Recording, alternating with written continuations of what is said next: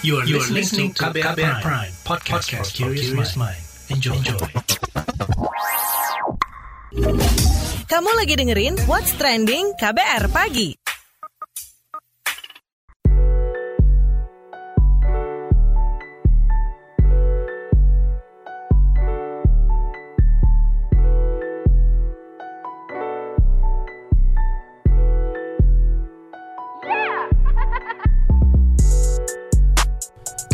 Siaran pagi radio paling update. Selamat pagi, ketemu lagi dengan saya Don Brady di What's Trending KBR Pagi. Tahun ini, seluruh perguruan tinggi di Indonesia ditargetkan sudah membentuk satuan tugas pencegahan dan penanganan kekerasan seksual. Nah, pembentukan Satgas itu menurut Mendikbud Ristek Nadiem Makarim sesuai peraturan Mendikbud Ristek tentang pencegahan dan penanganan kekerasan seksual atau PPKS di lingkungan perguruan tinggi. Kata Nadiem, kementeriannya masih menerima berbagai masukan sebagai bahan pertimbangan supaya Permendikbud Ristek tentang PPKS bisa mendorong pendidikan yang merdeka dari kekerasan seksual. Meski begitu, Permendikbud Ristek tentang pencegahan dan penanganan kekerasan seksual di lingkungan perguruan tinggi itu juga tak lepas dari kritik. Seperti dari Majelis Pendidikan Tinggi Litbang Pimpinan Pusat Muhammadiyah yang menilai Permendikbud Ristek berpotensi melegalkan perzinahan karena ada kecacatan material di pasal 5 yang membuat frasa tanpa persetujuan korban. PP Muhammadiyah menilai pasal ini menimbulkan makna legalisasi terhadap perbuatan asusila dan seks bebas berbasis persetujuan. Sementara itu di luar lingkungan pendidikan, Dewan Perwakilan Rakyat memastikan rancangan Undang-Undang Tindak Pidana Kekerasan Seksual atau RUU TPKS akan disahkan sebagai RUU inisiatif DPR pada sidang paripurna 18 Januari mendatang. Hal itu disampaikan Ketua DPR RI Puan Maharani dalam pidato pembukaan masa sidang 2021 hingga 2022. Sebelumnya, pemerintah membentuk gugus tugas untuk mempercepat pembahasan RUU TPKS. Gugus tugas tersebut beranggotakan Kementerian Hukum dan HAM, Kantor Staf Presiden, Kementerian Agama, Kejaksaan, dan Kepolisian. Berbarengan berangus kekerasan seksual itu yang kita obrolin pagi ini, tapi sebelumnya kita simak dulu opini netizen plus 62 berikut ini.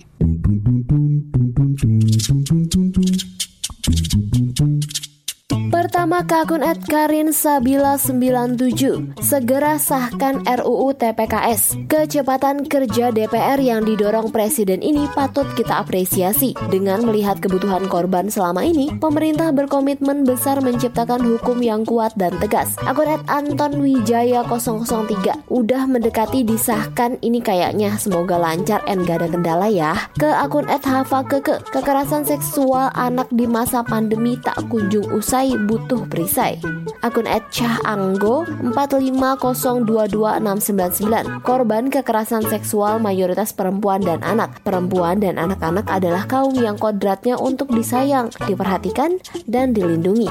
Akun @klavisa. Komitmen Presiden untuk mencegah potensi kekerasan seksual semakin nyata kali ini. Menteri PPPA mulai mengambil peran untuk mencegah kasus serupa di tingkat kampus. Hal ini sudah dinantikan karena di lingkungan mana pun kekerasan seksual masih mengintai. Akunet Ayuri Andini, pembentukan Satgas sebagai upaya percepatan terhadap pencegahan dan penanganan kekerasan seksual di lingkungan perguruan tinggi. Nah yang terakhir akun at underscore Sobami, 2022 di Indonesia tidak ada lagi korban kekerasan seksual.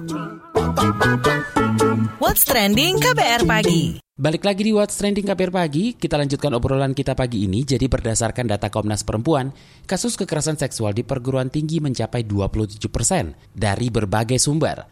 Menteri Pemberdayaan Perempuan dan Perlindungan Anak Bintang Puspayoga menginginkan seluruh kampus di Indonesia segera membentuk satuan tugas pencegahan dan penanganan kekerasan seksual di lingkungan kampus. Hal ini disampaikan Bintang merespon langkah Menteri Pendidikan Nadiem Makarim yang meminta perguruan tinggi segera membentuk satgas tersebut. Menurutnya kekerasan seksual di lingkungan kampus dapat menurunkan kualitas pendidikan yang seharusnya jadi kawasan aman untuk belajar dan mengajar. Soal desakan pembentukan satuan tugas pencegahan dan penanganan kekerasan seksual di seluruh perguruan tinggi di Indonesia, kita simak penuturan dari Mendikbud Ristek Nadiem Makarim melalui akun YouTube SMRC yang diunggah selasa kemarin. Sedikit latar belakang tentang permen ini, proses penyusunan peraturan ini cukup panjang dan kami di Kemendikbudristek tidak bekerja sendirian. Kira-kira selama satu setengah tahun kami melakukan pengumpulan data, diskusi internal, dan mengadakan puluhan kali diskusi untuk uji publik. Proses uji publik dan harmonisasi melibatkan pihak-pihak dari perguruan tinggi, kementerian, lembaga terkait, dan jaringan masyarakat sipil yang biasa menerima laporan kasus dan mendampingi korban kekerasan seksual. Dan seperti yang kita ketahui bersama, setelah kami mengesahkan permen PPKS, muncul banyak sekali respon dari masyarakat, juga dari berbagai pemangku kepentingan.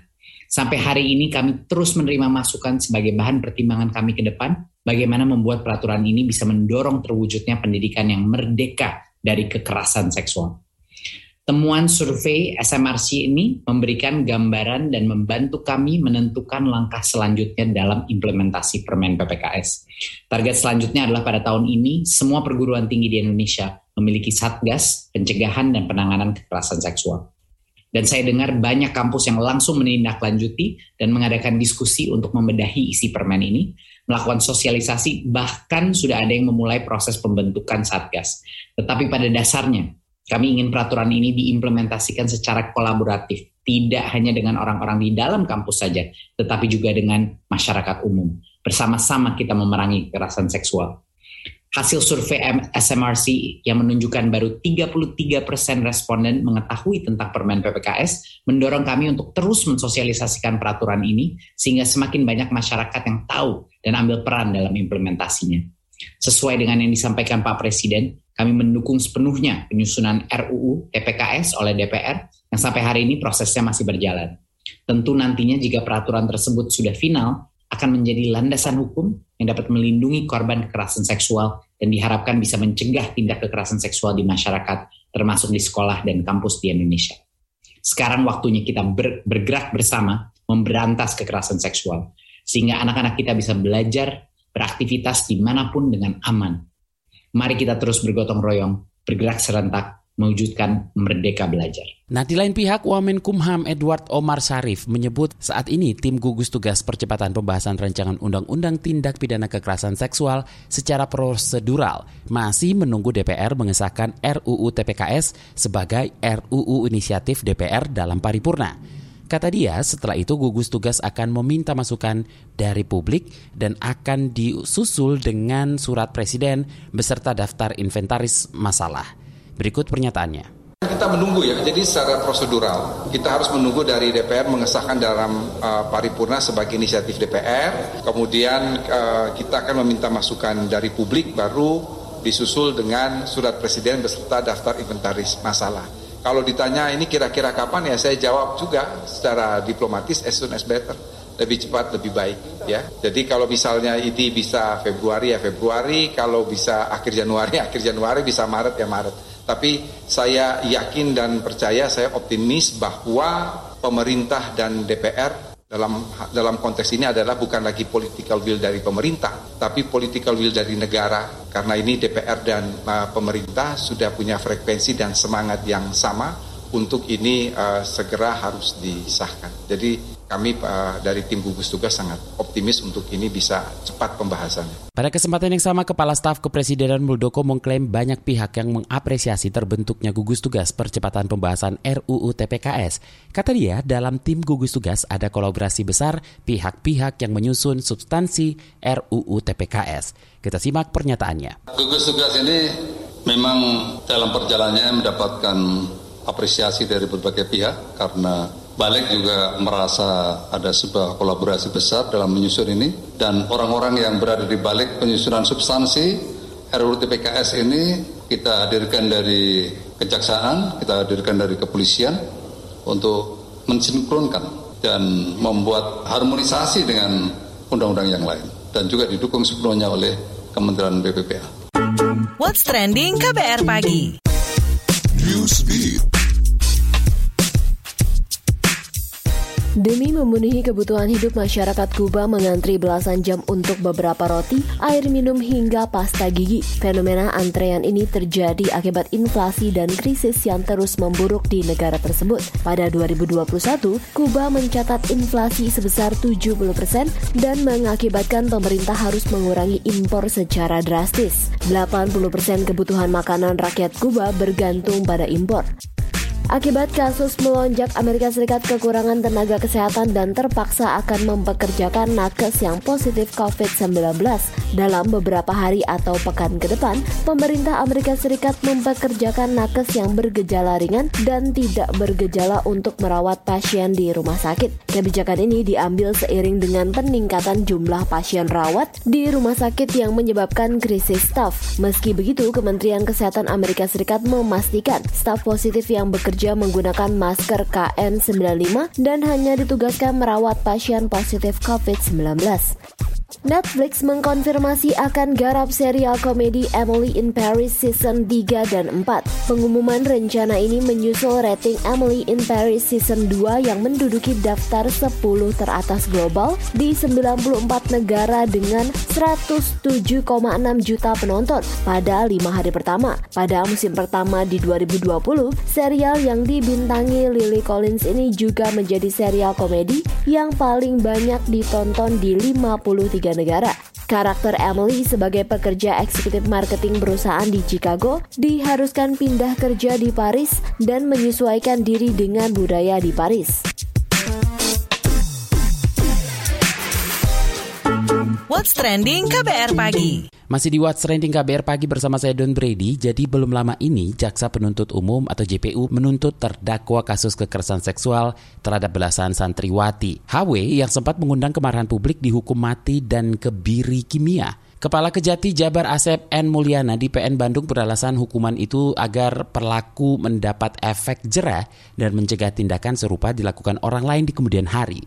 Asep menambahkan, HW juga dituntut membayar 500 juta rupiah subsidi satu tahun kurungan pidana penjara serta restitusi atau ganti rugi kepada korban sebesar 331 juta lebih.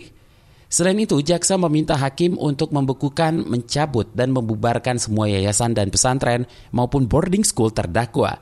Kemudian aset tersebut disita dan dilelang untuk digunakan untuk kelangsungan hidup para korban dan anaknya. Dalam kasus ini, HW diduga melakukan kekerasan seksual kepada belasan para santrinya selama lima tahun sejak 2016 lalu. Mayoritas korbannya telah melahirkan dan ada pula yang tengah mengandung. Koalisi Masyarakat Sipil Anti Kekerasan Seksual, Kompaks, juga melihat adanya kemajuan dan keseriusan pemerintah, DPR maupun aparat penegak hukum terkait isu kekerasan seksual. Meski begitu, masih banyak catatan-catatan terkait penanganan kasus dan isi dari RUU Tindak Pidana Kekerasan Seksual. Seperti apa? Langsung saja kita bincangkan dengan anggota Koalisi Masyarakat Sipil Anti Kekerasan Seksual atau Kompaks, Naila Rizky. Oke, DPR kan janji nih sahkan RUU TPKS jadi RUU inisiatif DPR minggu depan. Tanggapannya seperti apa? Kita ngelihat sih emang ada ini juga mungkin salah satu komitmen dari pemerintah juga ya yang kemarin sempat menyatakan sikapnya lewat Pak Presiden gitu kan. Cuman ya sekalipun akan disahkan di paripurna sebagai inisiatif DPR dalam proses pembahasan selanjutnya tetap harus dibuka ruang buat teman-teman masyarakat sipil untuk memberikan masukan terutama untuk hal-hal yang hingga saat ini masih belum masuk ke dalam draft RUU TPKS versi balik 8 Desember 2021. Jadi itu PR besarnya di situ ya bagaimana pemerintah nanti kan di pembahasan selanjutnya pasti akan melibatkan pemerintah nih ketika sudah menjadi inisiatif DPR, tentu DPR akan memanggil pemerintah, maka kita berharap pemerintah mau menggunakan daftar inventaris masalah dari masyarakat sipil yang sudah disusun untuk menyempurnakan draft RUU TPKS tersebut. Jadi kita berharap sih memang tanggal 18 ini benar-benar paripurna, lalu kemudian pemerintah juga sudah menyiapkan masukan-masukannya yang kita berharap berasal dari teman-teman masyarakat sipil. Kan sekarang ada gugus tugas percepatan pembahasan RUU TPKS yang diketuai Wamenkumham. Ini tanggapannya gimana?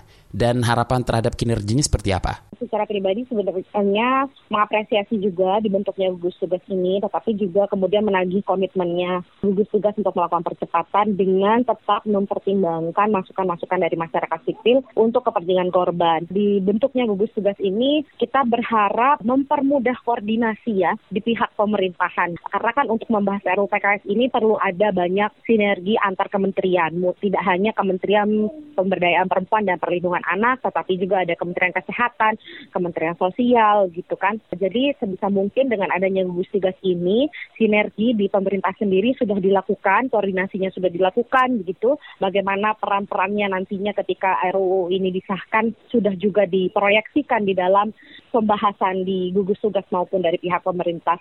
Jadi kita berharap gugus tugas ini bisa berjalan secara efektif, jadi tidak membuat atau membentuk tim baru tetapi kemudian uh, gunanya saya nggak tahu sih nanti kira-kira cara kerjanya seperti apa. Tapi setidaknya kita berharap kalau ada gugus tugas ini jadi koordinasi di, di pihak pemerintahan itu jauh lebih efektif komunikasi dengan masyarakat sipil juga semakin terbuka dan pembahasan di DPR jadi lebih mudah, jadi lebih dimudahkan untuk masukan-masukan dari masyarakat sipil.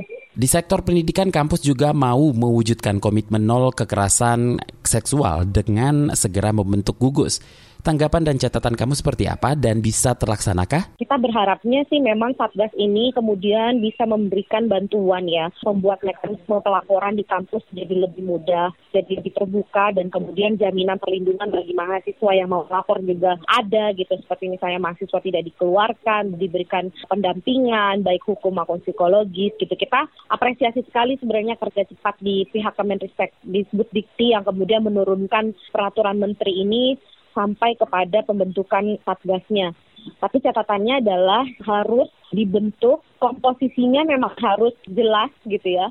Siapa saja yang akan dilibatkan menjadi satgas, apakah value-nya atau perspektifnya terhadap korban, terhadap isu kekerasan seksual sudah bagus gitu. Nah, itu mungkin yang harus dilakukan oleh pihak kementerian untuk memastikan bahwa ada klarifikasi nilai pengecekan nilai terlebih dahulu, ada peningkatan kapasitas terlebih dahulu terhadap para dosen-dosen atau aktivitas akademika yang masuk di dalam satgas unsur mahasiswa juga nanti dilibatkan, bagaimana perannya, lalu kemudian memastikan bahwa mereka ini punya perspektif korban punya perspektif kekerasan seksual itu juga perlu dilakukan. Oke, kalau dari proses penanganan hukum terhadap kasus kekerasan seksual, bagaimana mestinya mendukung pemberantasan kekerasan seksual? Kalau untuk penegakan hukumnya, memang perlu ada reformasi di pihak kepolisian. Polisi, saya rasa di RUU TPKS sudah mulai ada tuh aturan-aturan soal tidak boleh menyalahkan korban, tidak boleh menolak laporan. Nah, tapi kan saat ini belum ada ya. Dan aku rasa juga setelah adanya RUU RUU TPKS perlu banyak dilakukan sensitisasi terhadap aparat penegak hukum gitu ya. Bagaimana kemudian mereka punya pedoman untuk menangani perkara kasus kekerasan seksual. Misalnya kayak Kejaksaan dan juga Mahkamah Agung itu sudah punya peraturan internal untuk menangani kasus-kasus eh, terkait dengan kekerasan terhadap perempuan gitu ya, termasuk di dalamnya kekerasan seksual. Nah ini perlu juga aparat penegak hukum terutama di kepolisian yang menjadi pintu utama bagi korban untuk mendapatkan keadilan untuk punya pedoman internal juga dan pedoman internal juga tidak cukup ya kalau kemudian tidak dilakukan internalisasi nilai di dalam institusi tersebut. Jadi bagaimana memastikan bahwa penyidik-penyidik tersebut tidak melakukan victim blaming, tidak akan menolak laporan atau menihilkan laporan dari korban kekerasan dan lain sebagainya. Nah itu aku rasa juga perlu dipastikan dan ke depan kalau memang RUU PKS disahkan gitu ya, RUU TPKS disahkan, nanti kan akan ada layanan terpadu, layanan integral yang tidak hanya menerima laporan korban kekerasan seksual, tapi memastikan korban mendapatkan pendampingan psikologis, mendapatkan bantuan, rumah aman, dan lain sebagainya. Nah itu aku rasa dari sekarang seharusnya aparat penegak hukum itu sudah mulai aware, sudah peduli bahwa ternyata menerima laporan saja tidak cukup. Kita juga harus membantu korban untuk mendapatkan layanan pemulihan bagaimana polisi ini juga bisa mengarahkan kepada hal tersebut dan juga proses peradilan pidananya tidak boleh sampai membuat korban menimbulkan trauma kedua bagi korban gitu. Mulai dari tahap penyidikan sampai dengan putusan pengadilan. Atau kabar baik juga sih ya sebenarnya dari pihak kepolisian yang membentuk direktorat baru di Baris Krim kalau nggak salah ya di, Pol, di Polri lah ya gitu yang tadinya hanya unit PPA saja di bawah Baris Krim tapi kemudian itu menjadi direktorat tersendiri untuk penanganan perempuan dan anak. Nah ini juga perlu jelas fungsinya seperti apa gitu ya dan termasuk juga nilainya perspektifnya juga harus baik. Tapi langkah itu saya rasa teman-teman perempuan juga mengapresiasi dengan adanya peningkatan gitu dari level unit di bawah Baris Krim kemudian jadi direktorat tersendiri. Terima kasih anggota Koalisi Masyarakat Sipil Anti Kekerasan Seksual seksual Naila Rizky. What's trending KBR pagi? Commercial break. break. Sudah tahu yang satu ini.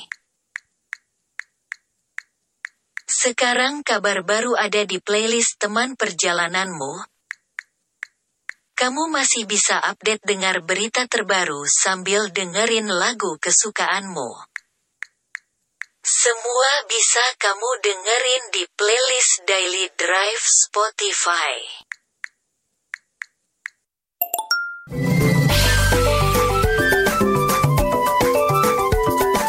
WhatsApp Indonesia. WhatsApp Indonesia dimulai dari Cirebon, Jawa Barat. Kepala Dinas Kesehatan Dinkes Kota Cirebon Edi Sugiarto menyatakan program vaksinasi booster bagi pekerja di bidang layanan publik akan dimulai pekan depan 17 Januari 2022. Melalui keterangan persnya, Edi mengatakan orang-orang yang bertemu dan berkomunikasi dengan banyak orang setiap harinya menjadi target vaksinasi dosis ketiga seperti aparatur sipil negara, ASN, TNI, dan Polri, wartawan, serta profesi lainnya yang bekerja di layanan publik. Pekerja di bidang pelayanan publik dianggap rentan terhadap COVID-19 karena setiap hari bertemu dan berkomunikasi dengan ratusan orang. Pemerintah Cirebon pun menilai mereka harus diproteksi dengan vaksinasi booster. Saat ini lanjut Edi, tenaga kesehatan di kota Cirebon bekerja keras untuk melakukan vaksinasi kepada masyarakat. Selain vaksin booster, vaksinasi COVID-19 untuk anak usia 6-11 tahun juga tengah berjalan dan ditargetkan selesai 21 Januari ini. Edi mengklaim kota Cirebon sudah mendekati herd immunity atau kekebalan kelompok. Selanjutnya menuju Jakarta. Kementerian Koperasi dan UKM membentuk tim satuan tugas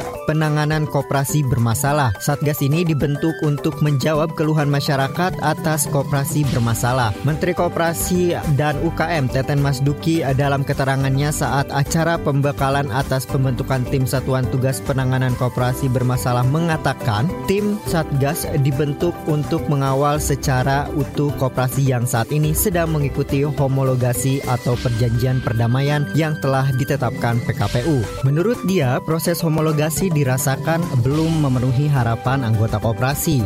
Ia menambahkan dari koperasi-koperasi yang bermasalah tersebut ditemukan permasalahan yakni beberapa koperasi kurang kooperatif dalam melaporkan perkembangan proses pelaksanaan homologasi kepada anggotanya serta ketidaksesuaian pembayaran dalam hal ketepatan waktu dan nominal pembayaran kepada anggota koperasi sesuai dengan skema perjanjian perdamaian. Terakhir mampir Banyuwangi, Jawa Timur. Pemerintah Kabupaten Banyuwangi, Jawa Timur menargetkan belanja wisata di daerah mencapai 1 triliun rupiah per tahun 2022 ini. Kepala Dinas Pariwisata Banyuwangi Muhammad Yanuar Bramuda mengatakan target itu harus tercapai hingga akhir tahun 2022 nanti. Terlebih lagi kata Bramuda, saat ini banyak destinasi wisata dan infrastruktur pendukung sudah memadai sehingga semuanya harus bisa bekerja sama dan bersinergi untuk mendukung tercapainya target tersebut. Jika target itu bisa tercapai, perputaran roda ekonomi menjadi tumbuh dan meningkat. Ia menambahkan saat ini pemerintah Banyuwangi terus membangun akses pariwisata, membangun UMKM dan membangun infrastrukturnya seperti infrastruktur jalan mulai dari area perkotaan hingga desa. Untuk mewujudkan hal itu, tahun ini di Banyuwangi akan ada program 1000 padat karya. Selain pembangunan infrastruktur jalan dan UKM, pihaknya juga akan menggerakkan anak muda untuk mendukung target belanja wisata 1 triliun rupiah. Karena dengan keterlebihan anak muda yang kreatif, sektor pariwisata akan tumbuh lebih maju lagi. Demikian WhatsApp Indonesia hari ini. Demikian KBR pagi hari ini. Jika Anda tertinggal siaran ini, Anda kembali bisa menyimaknya di podcast What's Trending yang ada di Spotify, kbrprime.id, dan di aplikasi mendengarkan podcast lainnya. Don't Brady undur diri. Have a nice day, have a nice weekend, stay safe, bye-bye. Terima kasih ya sudah dengerin What's Trending KBR Pagi. KBR Prime, cara asik mendengar berita. KBR Prime, podcast for curious mind.